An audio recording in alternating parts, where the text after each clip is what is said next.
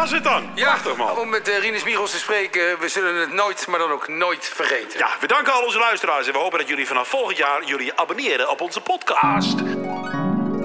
Lieve Bureau Sportluisteraars. Goed nieuws, lieve luisteraars. We're back.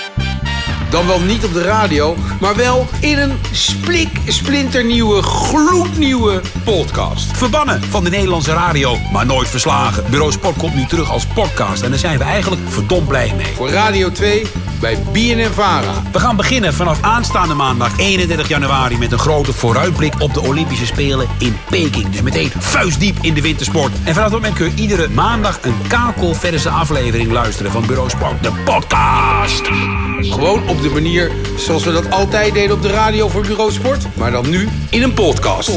In deze podcast bespreken Erik en ik het actuele sportnieuws. Kritisch, geestig, soms misschien een ode, de mystery guest. Alles kan voorbij komen. Het is toch iets nieuws, want we praten veel langer over onderwerpen. We gaan alles bespreken, de kleinste details. Het is het RTL Boulevard van de sport. Het gaat veel verder dan dat. En natuurlijk onderzoeken we mythes, legendes en mysteries. Vanaf maandag 31 januari, iedere maandag kakelvers Bureau Sport, de podcast. Overal waar je maar wil, Bureau Sport, de podcast. En die Wally zou zeggen, wauw. Bureau Sport, de podcast. Ja, hoe vind je dat?